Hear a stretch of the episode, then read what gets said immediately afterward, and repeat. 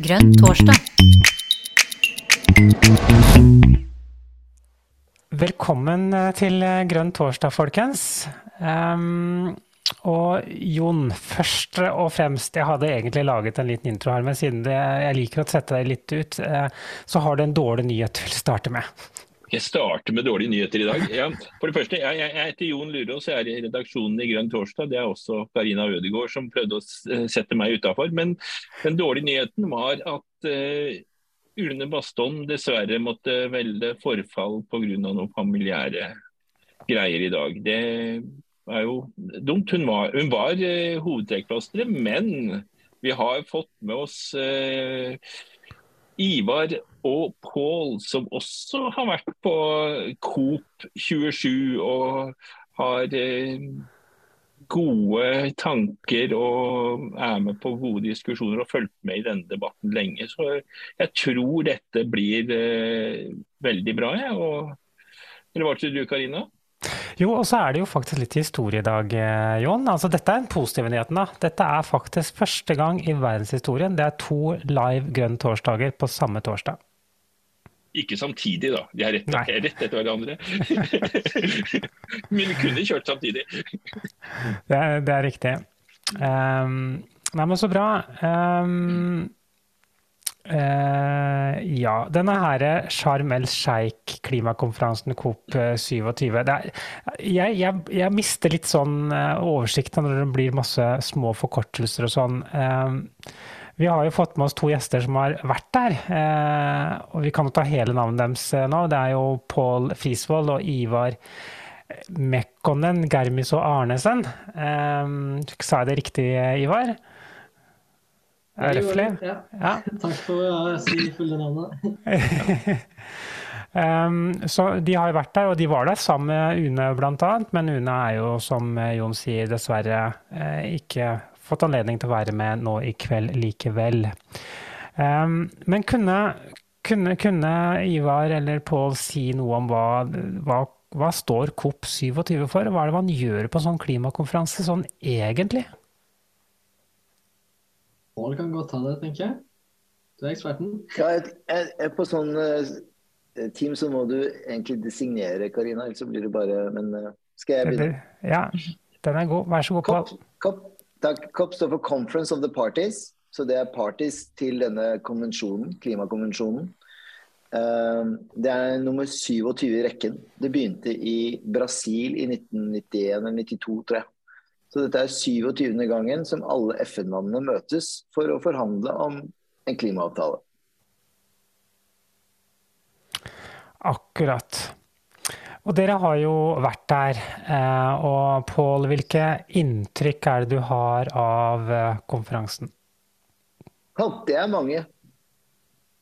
Men hvis jeg skal si noe kort, så er det um, Det er helt forferdelig det er helt grusomt. Det er helt forkastelig, dere, at så viktige konferanser skjer i så håpløse land. For Egypt er et dysfunksjonelt land. Altså ære være egyptere. Og jeg skal ikke si et vondt ord om egyptere, stakkars. De bor midt i ørkenen, og de har ikke vann, og de har ikke planter, de har ikke noen ting.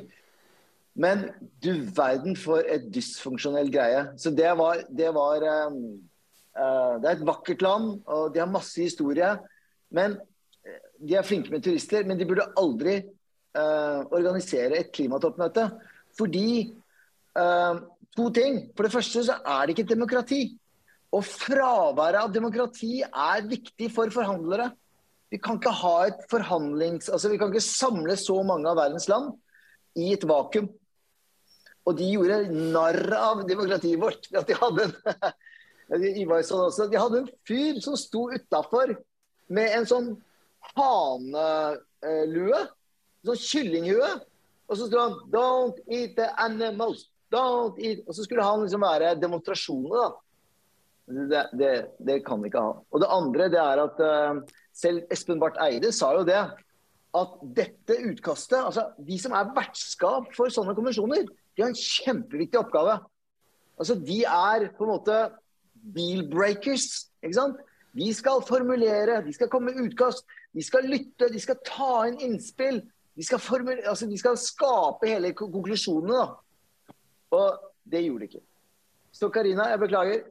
Svaret på første spørsmålet ditt katastrofe. Ja, Ivar, deler du, deler du denne eh, triste opplevelsen? Eh, ja. eh, det er jo ganske sjukt å skulle organisere en kanskje årets viktigste møte i eh, der man skal samle folk fra hele verden i en politistat. Eh, så vi følte oss jo ikke trygge. Eh, jeg var jo der som sivilsamfunnsobservatør, altså eh, med globale Grønn Ungdom, vår allianse, altså Grønn Ungdoms allianse i hele verden. Eh, og det vi liker å gjøre, er å protestere og kunne liksom si tydelig hva det er vi mener, legge press på forhandlerne. Og det kunne vi jo ikke, eh, siden det er nesten umulig å demonstrere i Egypt. Um, og dem det går mest utover, er jo så klart den egyptiske befolkningen selv. Uh, så Egypt har veldig mange politiske fanger. Eh, den mest kjente av dem er Allah Abdel Fattah. Um, så vi prøvde å skape mer oppmerksomhet rundt disse politiske fangene og støtte egyptiske sivilsamfunnet. Altså klimaaktivister i Egypt blir jo fengslet.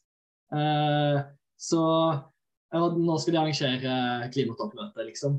Um, så um, vi, vi prøvde å utnytte de mulighetene vi hadde gjennom diplomatisk immunitet uh, på innsiden av møtet uh, til å prøve å, å støtte uh, den egyptiske demokratibevegelsen litt.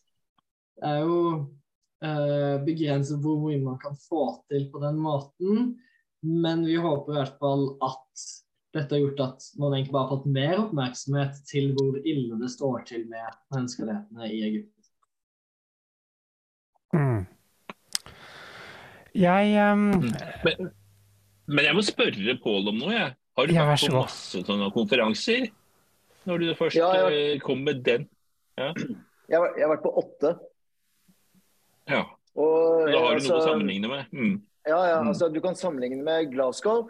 Der begynte det britiske formannskapet, eller vertskapet, de begynte ni måneder, kanskje, ni til seks måneder, å drafte kommuniké.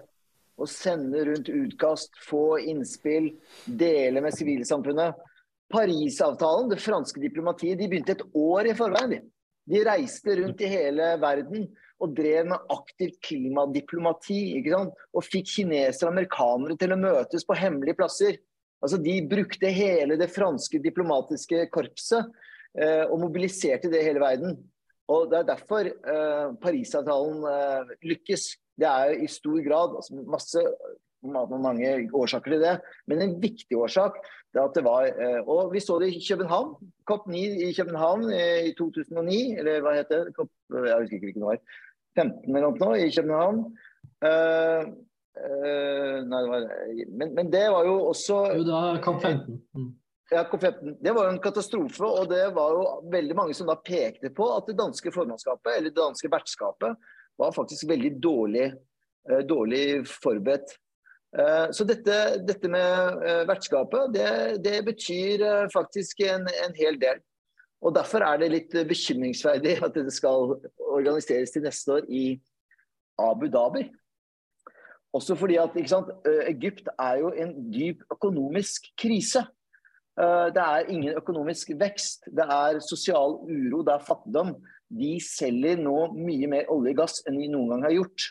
Eh, Slik at eh, det forslaget fra den indiske delegasjonslederen, som hadde vært den som bremset dette med kull i Glasgow, hvor det var istedenfor facing out, så ble det face down, han skulle gjøre godt igjen nå, da. Og si at ja, eh, nå skal vi utvide kull til alle fossile brensel det forslaget som fikk veldig oppmerksomhet i internasjonale media, veldig mye oppmerksomhet av oss som var på COP, mange som støttet det, det kom ikke engang inn i forhandlingsdokumentet.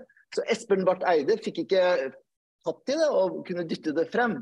Så det var en bevisst nedtoning fra vertskapet. Så det er viktig.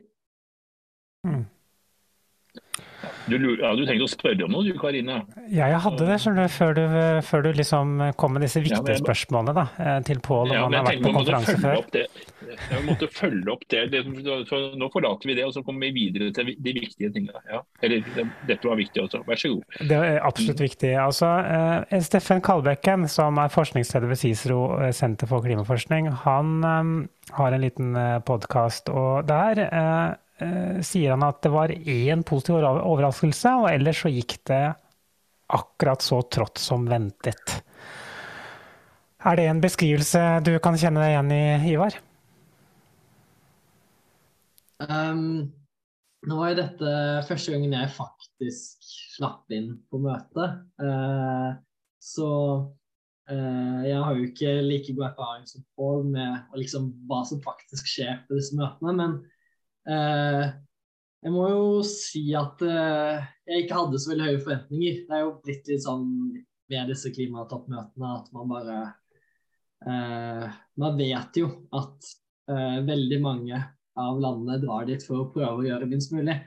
og, det er jo, og at det også var 600 fossillobbyister eh, som satt og hvisket dem under øret hva det var de burde skrive i disse avtalene. Um, så uh, gitt og at det gikk inn der med veldig lave forhåpninger, så er det godt at man har fått til litt. da. Uh, som at man i hvert fall har begynt uh, med å snakke om et Eller sånn at nå er det formelt at vi skal ha et tap- og skadefond. så kan jeg bare kort fortelle hva det går ut på. Det er da en tanke om at de landene som blir rammet nå, av klimaendringene. Eh, og spesielt da utviklingsland som trenger hjelp til å eh, tilpasse seg, altså til å beskytte befolkningen sin mot flom eller mot tørke osv. Eh, at de rett og slett må få penger til å gjøre det. Eh, og da spesielt fra eh, land i det globale nord, altså Europa, Nord-Amerika eh, osv. Um, og dette handler egentlig litt også om at, land, at utviklingsland føler at de ikke er ansvarlige for klimaendringene. Uh, det er det jo egentlig vi som er, globale nord, uh, eller utviklede land. Um, men samtidig liksom får konsekvensen av det. Og da er det riktig at vi i det globale nord skal betale for det, rett og slett. Men det har ikke de landene i det globale nord som har lyst til. Eh, men det var på en måte Man har ikke kommet så veldig langt, man har kommet litt lenger på det punktet. Ja, nettopp. Nettopp. Eh, Pål, eh, gikk det som forventet? Altså, det var fire gode ting ved dette klimatoppmøtet. Så du går opp fra én til fire? ja uh, Nei, det, ja, la meg ta de fire. Det første, som vi, alltid, som vi aldri må glemme, da, det er at uh, de leverte. Slik at uh, kopp er som en sykkel. Ikke Hvis ikke det går videre, så faller det sammen. Og sykkelen, sykkelen går enda. Sykkelen er oppreist. Så det multilaterale samarbeidet fungerer. Man kom frem til en konsensus. Og uh, det man ser på slike møter, det er at de, det er mange land som er skikkelig vanskelige her. Saudi-Arabia, Russland, Eh, en del andre Midtøsten-land de rekker opp hånda, og, og så blokkerer de. Eh, vi skal huske på at eh, Det som er det absurde med disse COP-møtene, det er at det er 190 land, og de skal være det er konsensusdrevet. altså, det, er, det, er, det, er veldig, det er en stor utfordring. Så ja, det er det første. Det andre det er som Ivar snakket om, dette med tap og skade veldig viktig det, at vi fikk på plass en ramme for det. Detaljene er ute sånn, men en ramme. Og det annet viktige poeng med tap og skade, det er jo det at uh, de tallene som man tar utgangspunkt i, uh, som har hele tiden tidligere vært fra 1992, da man startet med klimaforhandlinger, uh, de gjelder ikke lenger. Nå, det, nå, ser man på hva er utslippstallene i 2022. Og Det vil si at det er tre land, Russland, Qatar og hvilket var det tredje var? Det husker jeg ikke. Det er tredje land, som da har blitt uh, For de har økt uh, utslippene sine drastisk. slik at de eier ikke lenger Kina? Ja, Kina selvfølgelig. selvfølgelig. Kina. Veldig viktig. Det er det som er det viktigste.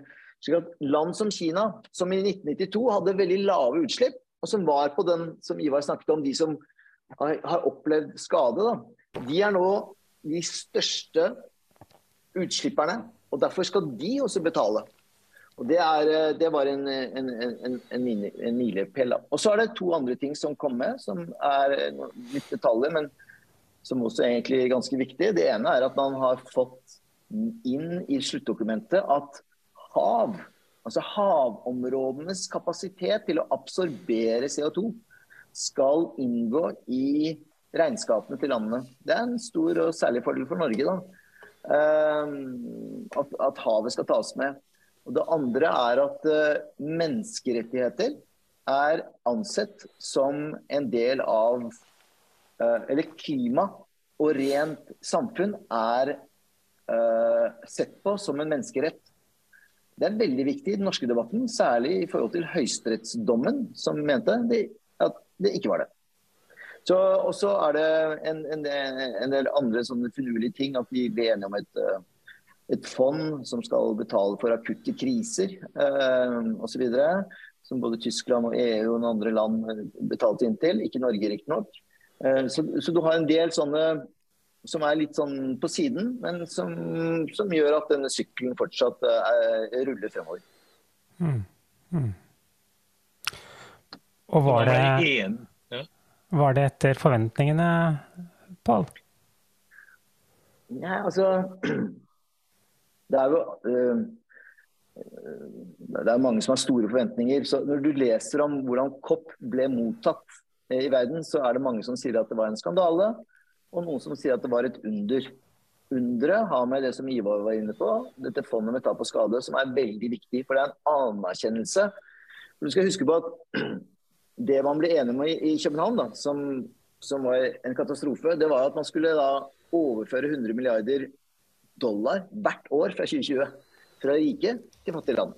Eller det som vi kaller nå for the global majority. Det heter ikke the global south, det heter ikke uh, development countries, det heter ikke low income, det heter the global majority. det sier også sitt. Um, det tallet skal for, øvrig økes fra 2025, og det kommer til å bli mye mye mer. Men tap og skade det er ikke bare å overføre penger for å drive teknologiutvikling og uh, overføre penger for å bygge ny lavkarbon eller uh, utslippsfri teknologi i disse landene. Tap og skade det er en anerkjennelse om at det er land som har lidd, som har blitt skada, som har blitt ødelagte. Og den, den satt langt inne for de rike landene. Som Ivar sa, eh, Nord-Amerika, EU De rike landene de vil ikke åpne den Pandoras-boksen det kan være, hvis ikke det ble veldig nøye justert, den ordlyden der, slik at det ikke åpner opp for mange sånne juridiske krav. Da. Eh, så det, er, eh, det var veldig, veldig bra. Men det skuffende var jo dette med 1,5-gradersmålet. At eh, Det blir ikke noe særlig forsterkelse av det. da. Det blir, det blir liggende. Så det er mye igjen. Ja, Det her med Kina det synes jeg egentlig var litt spennende. for Det betyr vel at man da eh, også Kina aksepterte at det ikke er et utviklingsland lenger. Når de også eh, Det kan vel tolkes sånn? Eller hva, hva, hva, er enig med det, Pål? Ja, altså, greia er med at Vi skal huske på at Kyoto-avtalen, som var veldig bra, bortsett fra at Amerika ikke var med, eh, den delte opp verden i rike og fattige land. Og de såkalte OECD-landene, som var medlem av OECD i 1997, og det må ha vært ca. 18 land eller noe, de skulle betale. De skulle betale alt, og alle de andre skulle motta. Den kategorien der falt under Paris. Og Kyoto var jo dette med at de 19 landene, OECD-landene, de skulle love å kutte en bestemt prosentandel innen 2012. Norge fikk lov til å øke utslippet med 7% fordi vi sa for at vi skal finne så mye olje at vi må ha, vi må ha mer. Og det klarte vi jo ikke å oppnå. Vi måtte kjøpe masse kvoter for å oppnå det. Eh, og vi har jo fortsatt vet at vi har bare eh, redusert med 4% siden 1992. Um, men Parisavtalen uh, sa at ingen land skal ha juridisk bindende. Alle skal bare levere inn. Og Dermed så fikk du ikke det skillet lenger mellom industriland og fattigland. Alle skulle bare melde inn det de ønsket selv. Så Parisavtalen er jo egentlig litt svakere enn Kyoto-avtalen, for den har ikke noe juridisk binding. Men den har et sånt press at alle land blir oppfordret til å, også, til, å, til å, komme med sine bud eller sine notifikasjoner. Og så blir jo det regnet ut sentralt om det er nok til å nå 1,5-gradersmålet. Eh, slik at eh, Kina eh, i dag slipper å ta standpunkt til det. Fordi at Kina vil overhodet ikke gå med på at de ikke lenger er et utviklingsland. Altså Innenfor WTO f.eks. så er jo Kina et utviklingsland. Og da får de en spesiell status. Uh, men de klarte ikke, og selvfølgelig ikke, å, å, å hindre det faktum at, at, de har økt utslippene sine så enormt siden 1992. Så ja, Jon, er, uh, du har litt rett i det, men allikevel uh, Kina vil nok stå ganske støtt på at de er fortsatt et et lavinntektsland, da, hvis du ser på inntekt per capita. Mm. Ja, nei, takk for utdypingen. Jeg bare så overskrifta i en eller annen uh, setting, så da tenkte jeg jo det var kanskje noe, men da, var jeg, da ble jeg litt, litt klokere der også.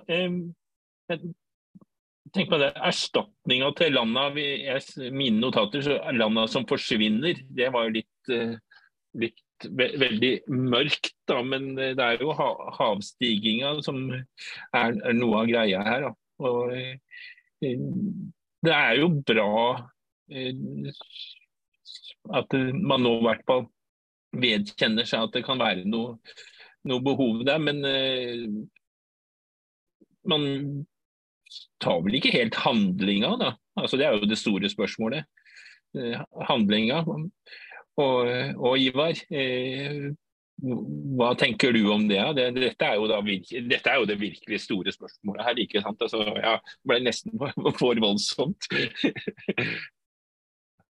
ja, eh, nei, akkurat for uh, disse øynasjonene så er det, det er egentlig noe av det som gjør meg um, som gjør mest inntrykk på meg. Um, gjorde mest inntrykk på meg da jeg var i Egypt.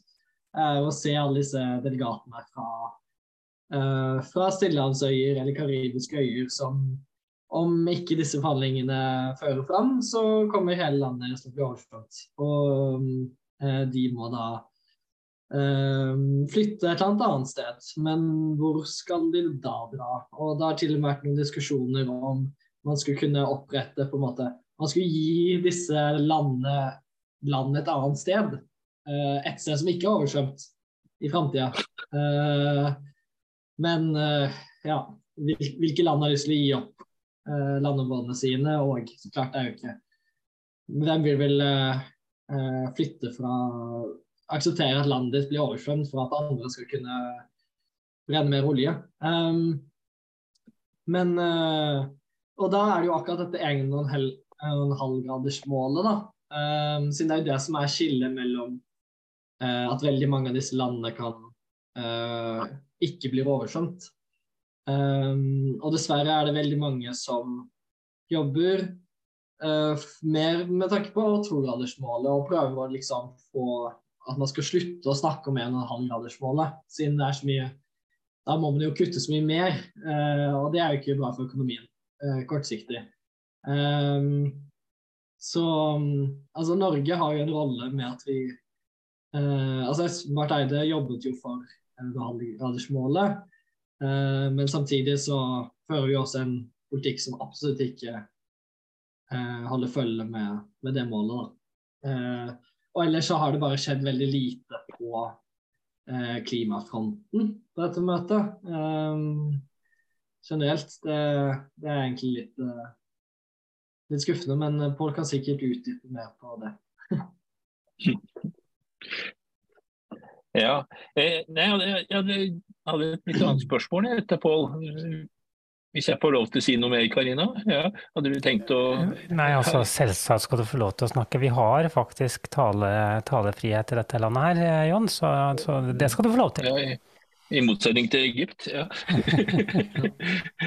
ja nei, for det jeg lurte på, eh, Pål, du sa du hadde vært på åtte åtte ja, Dette var da den åttende kopp du var på. Eh, mm. Har konfliktlinjene endra seg i løpet av den tida?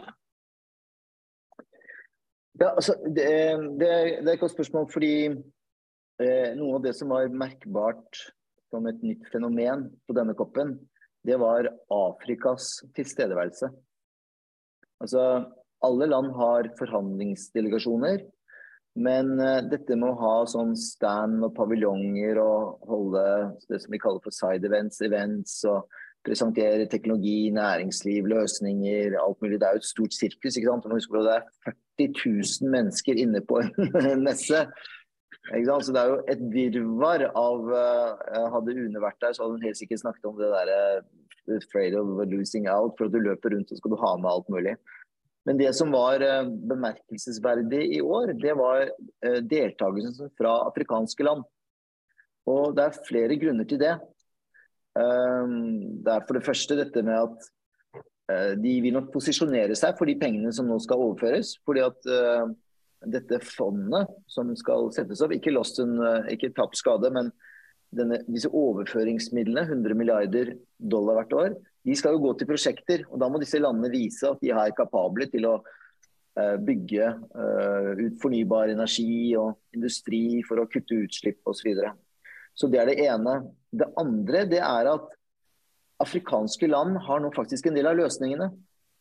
Fordi eh, et av de temaene som kom frem nå, og som er veldig til stede innenfor internasjonale klimaforhandlinger, det er eh, klimagassfjerning.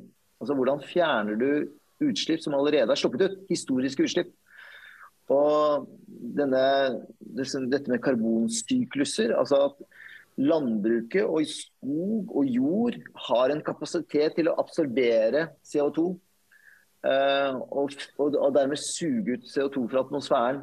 Og Det har jo disse landene. De er godt uh, rigget for det. Samtidig som de også kan produsere mye hydrogen, som Vesten etterlyser, for å avkarbonisere industri. Så hydrogen det, du, det er bare en energibærer. Du må ha en energikilde. Um, og da må du produsere fornybar kraft. Norge vil gjøre det med gass og med CCS, men i resten av verden vil gjøre det med fornybar elektrolyse. Så de har faktisk økonomisk insentiv. De kan produsere noe som er ettertraktet. Men det siste som jeg er veldig opptatt av, det er at klimaendringene begynner nå å bite. Altså Det begynner å få helt konkrete og ganske alvorlige konsekvenser for de fattigste landene. Slik at klimaendringer som ikke var noe særlig tema for dem før, det er blitt et stort tema for de fattige landene.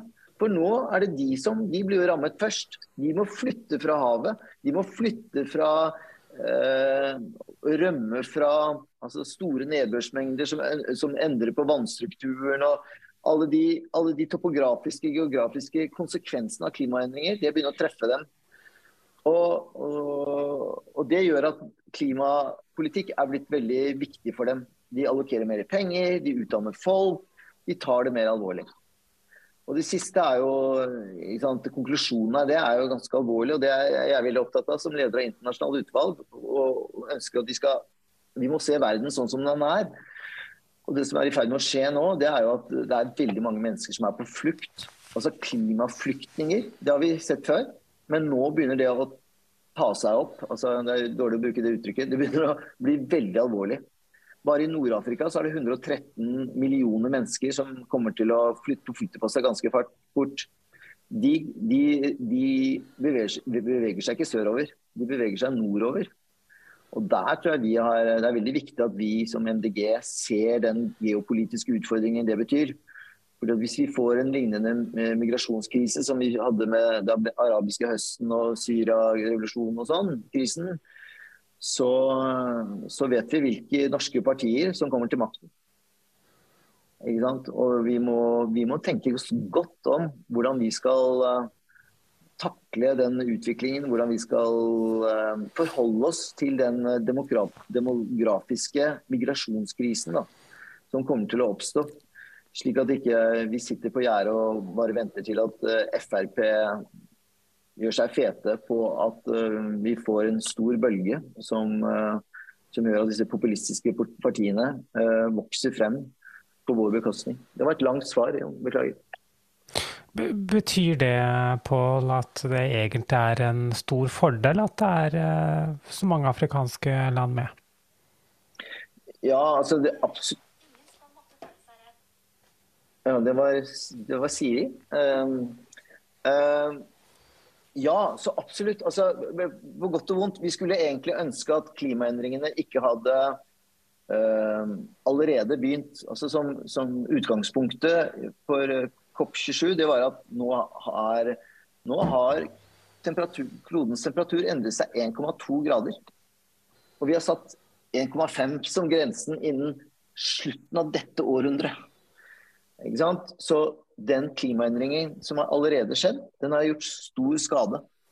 Og det er veldig alvorlig. Og Det er derfor vi er med i MDG. Fordi at vi ser den globale trusselen og hva det gjør med samfunnet vårt og verden vår. Eh, og Det gir oss enda sterkere motivasjon og bedre grunn til å jobbe ekstra hardt for å få gjennomslag for vår politikk, for vi er nødt til å ta tak i dette her. Uh, og så er det veldig bra at afrikanerne kommer på, på banen. Det har du helt rett i det er viktig at eh, de gjør, sin, eh, gjør, sine synspunkter gjeldende. At de får sin stemme. At deres stemme blir hørt på den globale arenaen. Og ikke dette blir noe sånn tradisjonell eh, nord-sør-konflikt osv. Så, så Så svaret er litt blandet. Ja, jeg skjønner det. Fordi hvordan er det med, med, med, med demokratiet i disse afrikanske landene og deres evne til å organisere slike møter og fasilitere gode prosesser?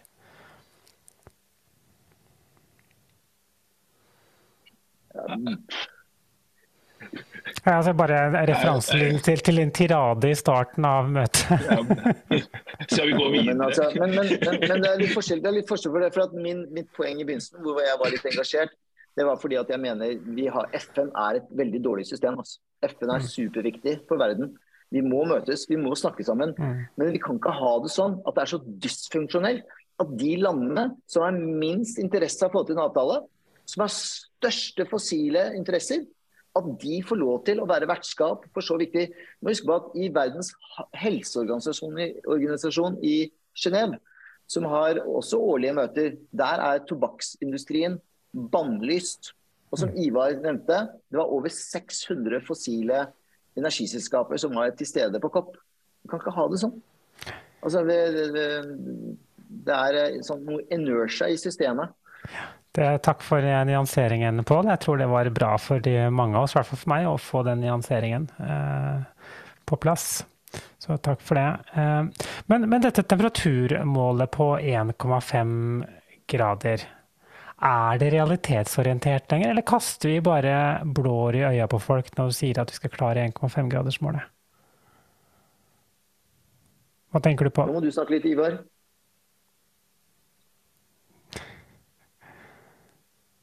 Jeg, jeg kan ta det, altså. Ja, ja, ja. Jeg, ser, jeg, jeg, altså jeg stilte eh, spørsmål til Pål, men du skal få lov, Ivar. Vær så god. takk, takk for. Um, dere må si fra om, dere, om jeg uh, hakker litt. Det er kanskje ikke så god nettutdanning. Um, men um, ja, så det jeg tenker, da Jeg er jo uh, som sagt Dette var min første gang på Kopp. men altså for at vi skal klare det 1,5-gradersmålet, så har Eh, FNs klimapanel, IPCC, og eh, Det internasjonale energibyrået, eh, som er en sånn allianse av forskjellige land, da, men det er utenfor FN-systemet. men det har blitt ganske troverdig etter hvert, de analysene de presenterer. Um, altså Begge peker jo på veldig mange løsninger som går utover bare det å kutte i fossil energi. Uh, så vi tenker litt sånn, vi kommer til å bruke så lang tid på å få til de, den reduksjonen i fossil energi og det å øke fornybar energi osv. nok. Så vi kommer til å trenge veldig mye opptak av uh, CO2 i Eh, på land og i vann og i skog osv., som, som Pål også snakker om. Men også at vi kommer til å trenge veldig mye karbonfangst og -lagring og karbonbruk som også begynner å komme med på moten. Altså at man skal rett og slett bruke CO2 som en ressurs til å lage andre produkter.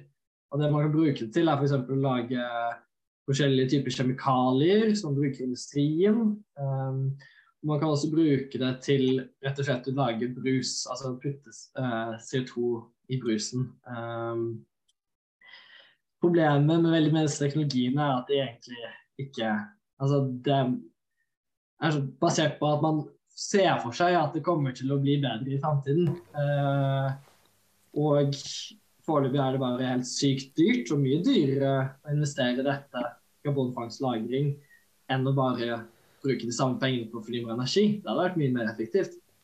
Eh, eller å ta vare på naturen, som vi holder på å ødelegge nå. Eh, istedenfor å skulle plante nye. Eh, så det er litt sånn at man, man finner litt sånn overtekniske løsninger, kanskje. Um, men ja, så det, det, er Jeg vil jo ikke Jeg har absolutt ikke lyst til at vi skal gå ut for 1,5-gradersmålet. Men eh, sånn Hvis jeg skal være litt kynisk, så tror jeg nok eh, det, være, det er vanskelig for oss å ikke komme til å nå 1,5 grader i løpet av dette århundret. Men eh, det er bedre å gå for 1,5 og lande på 1,7 enn å gå for 2 grader og lande på eh, 2,5. Eh, så eh, ja, det er det jeg tenker. Men uh, har du lyst til å kommentere litt på? Eller? Ja, nei, Du har helt rett i det, Ivar. Uh, du kan si uh, Jaran Rystad, som er en av Norges fremste analytikere, energianalytikere mest på fossil, han er jo opptatt av at dette kommer til å gå. Fordi at teknologien og de nye energikildene, som er ikke-fossile, prisene på disse synker så drastisk at dette kommer til å, økonomien kommer til å løse det. Um, de som kritiserer han, sier at uh, ja, uh, men vi skal ha veldig mye flaks. For uh, du, kan, du, kan, se bare på norsk elbilpolitikk. Det har gått mye raskere med å avkarbonisere norske elbiler enn vi ventet. Vi er allerede nå nærmere 90% på alle nye biler. Uh, Thailand hørte jeg i dag har en uh, strategi om de skal alle nye scootere og TikToker og alt mulig skal være uh, utslippsfri innen 2025. Eller ja, noe sånt helt sinnssykt tidlig. Slik at Det er noen som mener at teknologiskiftet gjør at dette kan akselereres veldig fort. Men det andre som sier at da skal du ha en verden som er stabil. Og er det noe som er vist oss nå, med krigen i Ukraina, med, du har revolusjoner, du har store økonomiske vanskeligheter i mange land. Da er det klima som taper først. Og så har du et annet element som jeg er veldig opptatt av. Det er at det er ikke bare prisen på energi. Fordi at det vi har, som vi er veldig avhengig av i samfunnet, som hvis vi ser på vår olje- og gassektor, så er det veldig mange deler av den verdikjeden som er, som, som er permanente. Uh, som er veldig vanskelig å skifte. Altså systemskifte. Du skal ikke bare endre energikilden, du skal endre hele infrastrukturen. Ikke sant? Og å legge om disse infrastrukturene, uh, det er kostbart, uh, og det tar tid. Og det er sånn lag i systemet. Så, så, jeg er nok litt mer pessimistisk enn Ivar. Jeg tror at uh, dette kommer til å bli veldig veldig vanskelig. Og hvis vi skal vinne denne kampen, så blir det i hvert fall ikke noe mer enn på målstreken.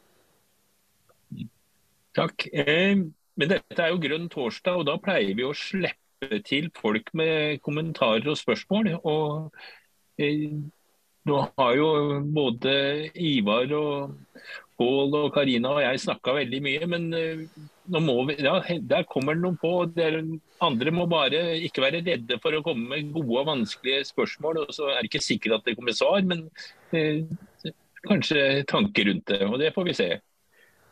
Da skal vi se. Bjarte først, vær så god. Ja, god kveld og takk for at dere arrangerer. Og dere som reiste ned til Egypt. Eh, jeg følger kritikken om Egypt, menneskerettigheter og mangel på demokrati. Eh, jeg ble selv fengslet der nede under eh, den arabiske våren. Eh, og det gjør jo det hele veldig mye vanskeligere eh, for lokale organisasjoner, annet.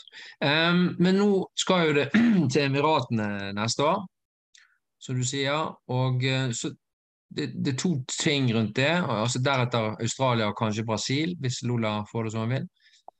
Men er det noen lærdommer her? Kan, hva kan vi gjøre som forberedelse til, til Abu Dhabi neste år? Og for å forhindre at nye tilsvarende land eh, får kopp? Føler Pål seg fristet til å svare på det, eller? Mm. Ja, takk skal du ha, Bjarte. Det var interessant å høre. Jeg må snakke mer om at du ble arrestert på, av arabiske år. Det høres dramatisk ut. Jeg må si jeg var veldig faktisk redd til tider. Og jeg reiste med en del kvinnelige kollegaer, og de hadde det ikke lett. Altså. Det var veldig greit på det hotellresortet og når vi var inne, men alt mellom i taxier og på stranden og overalt, det var eh, ikke noe særlig hyggelig. Um, men til spørsmålet ditt, uh, hva kan vi gjøre? Um, nei, eh, jeg håper jo da at vi tar lærdom av dette. Og at um, Nå er jeg litt sånn EU-nerd, da, men vi ser jo det at EU eh, e som forhandler på vegne av 27 land, de har stor innvirkning. Og det var jo EU som klarte å liksom, bende armen til de andre vestlige demokratiene, eller OECD-landene, Nord-Amerika, Norge, Sveits, andre til å gå med på dette tap- og skadefondet. Si at vet du hva, vi er nødt til å gjøre det. Vi må innkassere en seier. og Dette er en symbolsk viktig sak. Dette har disse landene jobbet med i 30 år. Now is the time. Og øh, hvis øh, ikke sant, At Biden, at USA og EU Sikkert er noe som er hjelp av Norge, men vi blir litt små der hvis de går sammen om å legge press på det eh, Emiratenes eh, vertskap, så tror jeg det mm, kan gjøre litt vei i vellinga. Men jeg vil ikke, jeg vil ikke vedda på det. Du nevnte Brasil, og det er veldig interessant. fordi at Det jeg lærte på COP, det var at en av de norske delegatene fortalte meg at de som er de, de desidert beste klimaforhandlerne, det er brasilianske myndigheter. De er superflinke. Både fordi at de har et stort, eh, omfattende offentlig sektor. altså De har mange eksperter på dette. og dette er jo dette koker ned til enkeltmennesker. Du må ha erfaring, du må ha ekspertise, du må ha nettverk. Du må ha, du må, det er en rekke sånne kompetanser, da, evner du må ha for å få til dette her. Det har brasilianerne. Pluss at Brasil har leder denne G77-gruppa, som, som var, ja, kom til i 70-årene eller noe sånt. Men det er en veldig viktig gruppe. For de snakker på vegne av de fattige landene. Og de gjør liksom sånn, eh, Europa er det EU som snakker på vegne av Europa, og så snakker Brasil på vegne av. Så at når Brasil har fått en eh, demokratisk og en progressiv og en eh, klimaambisiøs president, så kommer det til å ha mye å si. Så Jeg håper virkelig at uh, du har rett i at uh, Brasil får dette. Og Australia, interessant du nevnte, jeg har ikke hørt disse landene, men uh, Brasil og Australia Australia har jo fått en ny regjering som er veldig ambisiøs. Og det vil også være veldig nyttig for fremtidige forhandlinger. Takk, Pål. Bjarte, vil du ha et oppfølgingsspørsmål? Eh, ja, jeg liker det du sier. Og så tenker jeg med en gang for at vi skal kunne ha en rolle her, eh, som MDG, nettverk, eh, bygge ut litt sånn eh, Hvis vi klarer å spisse det mot enkeltland, saker, eh, hva tenker dere om det? Eh, Brasil, eh, Australia? Altså Både Ivar og jeg var på et par sånne møter med grønne politikere. Det var veldig inspirerende, Ivar. tror jeg vi også er enige om.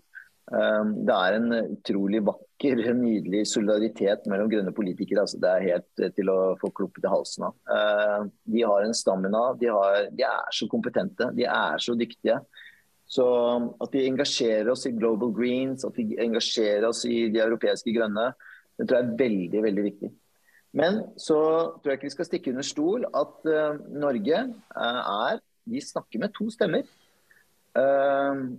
Da Ivar og jeg var på et av de møtene, så var det Hvor var han, hvor var han fra, Ivar? Han var fra Var han fra Egypt, eller um, jeg, jeg, tror du Jordan, tenkte nei. på Abijay fra India, kanskje? Ja, han fra India. eh, Stemmer det. Ja. Han var fra India. og Han sa han hadde vært på et Helt utrolig. Han hadde vært på et møte med Tvinnerheim, den norske utviklingsministeren. Som Ja, hadde jeg hadde en rolle i det. Ja, fortell, Ivar. Eh, ja, nei, um, vi fikk til møte med både Espen Barth Eide og Beate Tvinnereim. Altså hun er da utviklingsminister. Um, og um, uh, hun hadde jo sagt at ja, de skulle ja, Jeg skal prøve ikke å si altfor mye, sånn at uh, vi får lov til å delta på møter i framtida også. Men hun hadde jo sagt at nei, Norge skulle gi eh, masse penger i tap og skade, og, eh, og at eh, de mente at Norge hadde et eh, ansvar for, for det. Og du snakka også om at vi måtte slutte med gass, men det Ja. Eh, hva var det du skal ha, Pål? Nei, altså, så Det sa hun til disse, eh, dette forumet som hun snakket i. Og så fikk de vite etterpå at i møte, i forhandlingsmøtet, så hadde hun sagt det omvendte. Ikke sant? Så det er sånn typisk uh, vi, vi, vi vil absolutt fremstå som den barmhjertige samaritan. Vi gir masse penger i skogfondet, det er veldig bra og det er veldig internasjonalt anerkjent. Men uh, vi er et tveget sverd sånn sett, altså. Så, så det er klart at det ene er at vi må spille på lag med de andre grønne. Det må vi gjøre. Uh, vi må ha informasjonsutveksling, vi må spisse argumentene våre, vi må snakke taktikk osv. Men vi har et fordømt ansvar om å legge press på våre myndigheter om at uh, vi løser ikke klimapolitikken ved å redusere etterspørselen. At vi skal get off the hook og si at all, all hele denne kampen den henger på om vi klarer å redusere etterspørselen. Nei, vi har et ansvar som en så stor eksportør. Eh, verdens eh, er de, syvende på olje og tredje på gass eller noe. Eh, at eh, det vil være et veldig sterkt signal til verdenssamfunnet hvis vi faktisk eh, tør å sette en påle i terrenget. Og Derfor er vår ikke sant? Derfor er eh, Vi ble kritisert for dette i eh, Havarikommisjonen etter eh, nederlaget i 2021. At vi var for dogmatiske, at vi var for konfliktorientert osv. Vel, eh, for min del så er jeg veldig opptatt av at vi må ikke fire på det. altså. Det er, eh, det er jo ikke bare FN og IEA til og med, og andre som sier dette. Eh, Men det er også vi som sier at eh, vi må ture å sette en påle i terrenget og begynne å lage en planlagt omstilling og avvikling av dette oljeeventyret. Mm. Eh, For noen, noen må gå først. Mm. Og hvis ikke vi kan gjøre det, så kan ingen andre gjøre det. Nei, nettopp. Takk, Pål. Skal vi slippe til eh, Frode? Hei, Frode. Ordet er ditt. Jeg følte trang for å ta ordet litt når vi begynte å bli veldig teknologipositive her i sted. Eh, Jeg har en viss bekymring for at teknologien ikke kan redde oss. så Det enkleste eksempelet er jo det at vi lager fremdeles lyspærer som går i stykker, selv om vi ikke trenger å gjøre det. Og Det gjør jo EU også. EU som, eh, EU som global stormakt på eh, miljøkrav kunne jo bare krevd at lyspærer skal vare i 50 år, og så hadde vi løst den saken. Eh, Men eh, det høres ut som det møtet handla om helt andre ting enn forbruk. Og jeg blir også egentlig skremt når dere sier at Thailand har lovt å, å, å få alt elektrisk til 2025. Det er faktisk så, godt, så kort tid at da skal det ligge enorme søppeldynger fulle med alt det gamle utstyret, som er veldig mye mer miljøvennlig. Det nye utstyret vil jo bruke 30 år på å tjene igjen eh, de kostnadene det tar å produsere det. Så hvor, er vi igjen? Er, vi nå, er verden havna på et sånt teknologispor hvor vi skal ha en fortsatt sterk vekst, bare at nå er den et såkalt grønt skifte, som er for øvrig er noe som vi kanskje bare burde ha gått hardt ut imot. Altså er det det her grønne skiftet hvor alt skal være akkurat sånn som før, bare at det skal være fornybart, og så skal vi bruke 50% mer energi i Norge, sånn som det sto i en eh, artikkel som lå ute her i dag? Eller finnes det egentlig en, en, en, en motstemme da, som, eh, som kanskje har en sjanse til, i hvert fall, om ikke å få et politisk flertall, så iallfall å få en teoretisk mulighet for å løse problemet? Kunne ungdommen Ivar her komme med noen refleksjoner, kanskje? Ja, det gjør jeg gjerne. Um, altså, disse klimaforhandlingene har vel altså, Jeg er jo ikke så godt satt inn i dokumentet som Pål er, men uh, skriver jo ofte ikke så, så mye om uh, så konkrete uh, saker. Men altså, forbruk er jo en sånn elefant i rommet som jeg ikke snakker om. Og det handler om at alle land Eh, er der for å fremme økonomisk vekst samtidig som de skal kutte utslipp. Um, og um, i måte, de, nasjonale planene for å kutte utslipp, så snakker vi heller ikke nok om forbruk. Um, og det Jeg er helt enig med deg at dette er jo på en måte noe av det viktigste måten å kutte utslipp på, er jo rett og slett bare å bruke mindre energi og bruke mindre natur. altså bruke mindre mineraler og, og naturressurser generelt. Um, men um, ja, problemet var at vi har så dårlig tid. Uh, så sånn som du sier, så er det litt sånn, det er jo dette tidsaspektet også. at Hvis noe kommer til å kutte utslipp om, om 30 år, uh, så vil jo det fortsatt føre til at vi har brutt uh, de avtalene vi har. Um, så Uh, ja, altså Akkurat i den COP-sammenhengen så vet jeg ikke helt hvordan jeg skal svare på det. Men jeg, er jo helt enig at dette er noe vi må jobbe mer med uh, i våre politiske organer, altså om det er lokalt eller nasjonalt. Eller på EU-nivå, f.eks. Det ser ut som Pål også ønsker å legge til noe her. Vær så god, Pål. Ja, takk skal du ha. Nei, altså jeg var litt uh, uklar med hensyn til Thailand og uh, uh, Hvor ble du av? Skal vi se. Um, der er du, Frode. Um, det er nok ikke så hurtig at vi skal bli kvitt alle, fossile transportmidler innen 2025. Altså det er 40% innen 2025. og 80, altså Det er i hvert fall veldig ambisiøst. Jeg var på seriekonferansen og fikk presentert noen tall i dag. og det var liksom Alle snakket om Thailand som et sånn fyrtårn for Asia. da. Men du har helt rett i det. Vi må jo legge om. Uh, og så er det to ting, to faktorer som er viktig å ta med der. Og Det ene er at disse klimaforhandlingene Det er et viktig prinsipp i bunnen her. Uh, og det er at hvert land er ansvarlig for sine utslipp. Det kompliserer og Det gjør at Norge kan holde på sånn som vi gjør. Fordi Vi sier bare at uh, vel, vi eksporterer olje og gass, og, det, er ikke vi som må telle det. Og Det er et systemfeil. Men OK, det er det beste vi har. Og Da er det opp til hvert land å innføre det som gjør at de selv reduserer sine utslipp. Enten ved å legge om til, fra fossil til fornybar, eller som du helt riktig påpeker, redusere energibruken og gå enda lengre og legge om hele den økonomiske modellen, som er veldig vekstorientert. Det siste med dette med vekstorientert, det er noe som utviklingslandet, eller eh, den globale majoriteten, som jeg nevnte, som det heter nå, det er de opptatt av. For de føler, og det føler de sterkt, at det er vi som har brukt opp plassen i atmosfæren. Ved at vi har utviklet våre samfunn og er blitt så rike og så velstående og har en så høy livskvalitet Uh, og de er opptatt av at vi kan ikke, fordi at vi har fylt opp atmosfæren full av CO2, så er det ikke de som skal bli holdt igjen i sin økonomiske utvikling. Ikke sant?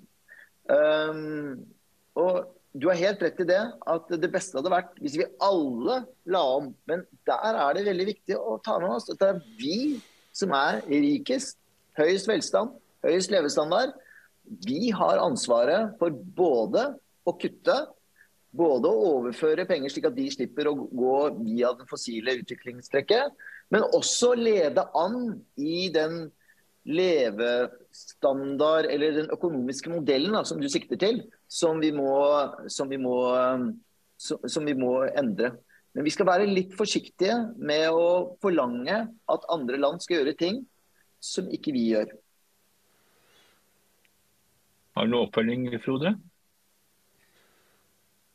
Ja, Det bekrefter jo min, eh, min, min uro. Da. Jeg selvfølgelig, altså, hvis ikke vi snakker om det forbruket, så, så, er det krise. Og det at det er de rike landene som går foran, det var, det var gammelt nytt for 20 år siden. Eh, det, det, er vi kommet videre i det hele tatt, tenker jeg da.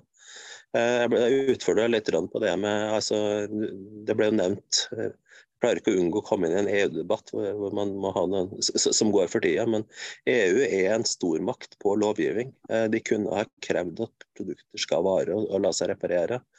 Og Hvis EU hadde eh, tatt det med stor tyngde inn i de her forhandlingene, så ville det selvfølgelig kunne gjort noe for hele verden. Men det ville, det ville vært en katastrofe for den økonomiske forbruksveksten som vi lever av. Så jeg lurer på, jeg vil komme noe videre? Og også da når du skryter av EU som som en progressiv aktør, har de klart å bringe den typen tanker inn, eller er de på vekstkjøret som alle andre? Nei, ja, hvis jeg kan svare på det. Um, det er helt klart at EUs økonomiske modell er som vår. Den er nok altfor konsentrert om vekst. Det er helt klart. Vi har ikke kommet ut av den sirkelen.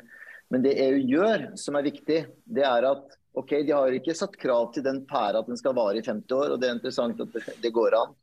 Men de har faktisk satt veldig harde krav til uh, uh, For det første allerede. altså Denne telefonen her er CE-merket. Og det er det CE-merket det setter en begrensning på energibruken. Og det har du på vaskemaskiner, støvsuger, eh, PC-er, alt. Og at EU setter et maksimumskrav på energiforbruk til alle forbruksvarer, det bidrar til å redusere energiforbruket masse. Og det har en stor global effekt. fordi at når Kina skal selge sine produkter i Europa, USA skal gjøre det i Europa, så er de nødt til å tilfredsstille de kravene. Jeg kan ta et annet eksempel. Eh, CO2-utslipp på, på, personbiler. Der har jo EU satt et krav om gjennomsnittlig 90 gram CO2 per 10 km eh, kjøring på en bilflåte. Uh, og også på NOx-utslipp. NOx er jo nitrogenoksid, er jo også en klimagass. og Der har EU veldig strenge krav. Og vi ser at når EU innfører de kravene, så, så benytter koreanske bilprodusenter, japanske bilprodusenter, amerikanske til en viss grad, de samme kravene. Fordi at det er de såkalte stordriftsfordeler. De vil uh, tilpasse seg de strengeste kravene. Og så, så får det en sånn spillover-effekt på det andre markedet. Mm. Så har du Frode, et helt uh, reelt spørsmål. Gjør de det nok? Det som skjer i disse dager, er jo denne sirkulærøkonomipakken. Hvor uh, de går løs på å si at dette CE-merket, som går på bruk av farlige avfallsstoffer og energiforbruk, det skal utvides. Slik at alle produkter, for å få det CE-merket, så skal du ha rett til reparasjon, altså right to repair. Eh, du skal ha, kunne se hvor stor andel av de råvarene, materialene som er i dette produktet, er faktisk gjenvunnet og resirkulert. Eh, og det gir, en helt, eh, det, det gir en signalet til, til, til markedet da, at de er nødt til å mm. tilpasse seg de helt konkrete kravene. Så mm. dette er noe som er under utvikling. Det er et møysommelig og detaljert arbeid, men det er, det er på vei. Og så kan vi si at EU eh, e gjør ikke nok, men du skal lenge lete etter en økonomi i en region som setter La oss ikke gjøre dette til en EU-debatt. Det nei, har vi mange nei, nei. nok av, som du vet, eh, Pål. Som vi bruker mye fin, mye fin kvalitetstid eh, på. Og, og, og er CE-merket nok, og gjør man nok? Det er jo et godt spørsmål, og dette med forbruk er uansett et viktig tema. Bjarte, vi er egentlig litt over tida nå. Er det slik at du brenner inne med det, slik at det bør ut? Jeg kan ta det kort. Vær så god. Veldig kort. Eh, Afrika ble jo nevnt, og jeg følger veldig. Eh, befolkningen øker med flere hundre millioner de neste 20-30 årene. Eh, det vil komme flyktninger, enten det er klima eller andre og hva kan vi så gjøre? Eh, det var noe vi hadde oppe i forbindelse med prinsipprogrammet, hadde et møte her. Eh, og demokratistyrking eh, er jo ett av svarene. Så jeg vil promotere det, for å si det sånn. Har dere andre konkrete Hva kan vi gjøre? Det er ikke vi som skal løse alt i Afrika, men helt kort. Hva ser dere er viktige bidrag vi kan gjøre? Det må bli veldig, veldig kort, Pål. Ja, to setninger, Pål. Greier du det? Jeg greier det. I dag var det en fantastisk intervju med han uh, Slagestad, eller hva het han, som var tidligere leder for oljefondet. Det var én setning. Og han sa at ja, og nå skal det bli, neste setting bli litt lengre. Men la meg begynne på den nå. Og det er at uh, det fondet er nå på 12 000 milliarder, og vi kunne sette av en par hundre millioner euro til et fond som kunne finansiere uh, denne omleggingen i de fattige landene. Fordi at han sørafrikaneren som jeg traff på bussen, som sa Nå er jeg midt i den andre setningen, Karina. Dette var bare en bisetning. Nå setter jeg komma, og så fortsetter jeg.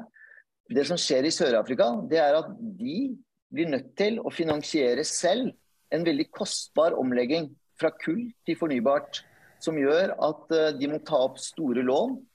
Som gjør at eh, byrden for å eh, gjenbetale den, den gjelden som de tar opp for å finansiere denne omleggingen, den kommer på fremtidige generasjoner. Og Derfor er dette et veldig urettferdig måte, fremgangsmåte for de fattige landene. Og legger et enda større press på at vi burde bli mye mer innovative. Slaggestad sa i dag, eh, det var innskutt bisetning nummer to, Karina at Du er egentlig inne på fjerde setning, Pål. Vi, vi, vi, har ikke, har ikke satt punktum, jeg har ikke satt punktum ennå. Vi, vi har ikke institusjoner. Altså Det er Norges Bank som Eh, forvalter oljefondet. Vi har ikke institusjoner til å, opp, eh, til å etablere slike fond.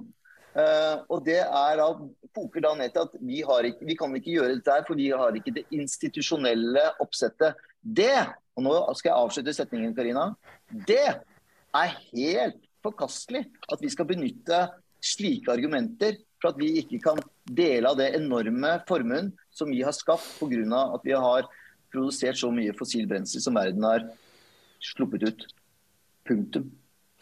Ja, jeg lurer på om vi skal ta en liten gjennomgang med norsklæreren din i forhold til tegnsetting. Eh, men det, var uansett eh, et godt forsøk på å ta et fint og fyldig svar på slutten, så takk for det. Eh, Jon, da, da må vi runde av. Ja, det er veldig bra at folk har holdt ut Eh, en hel time og tre minutter og verdens lengste eh, setning med mest aldri Han slo Gro Harlem Brundtland på innskutte bisetninger. Ja, ja, det går bra. Mm. Men eh, det var nok en gang lærerikt og interessant og på litt forskjellige ting som ikke sto direkte i løssalgsavisene nettavisene, eller hva det heter nå. Mm. Absolutt. Så tusen takk til Pål, og tusen takk til Ivar, og også dere andre som har bidratt med spørsmål og tilstedeværelse eh, på en torsdag kveld for å snakke om klimakonferanse, klimatoppmøter. Det har vært eh, veldig,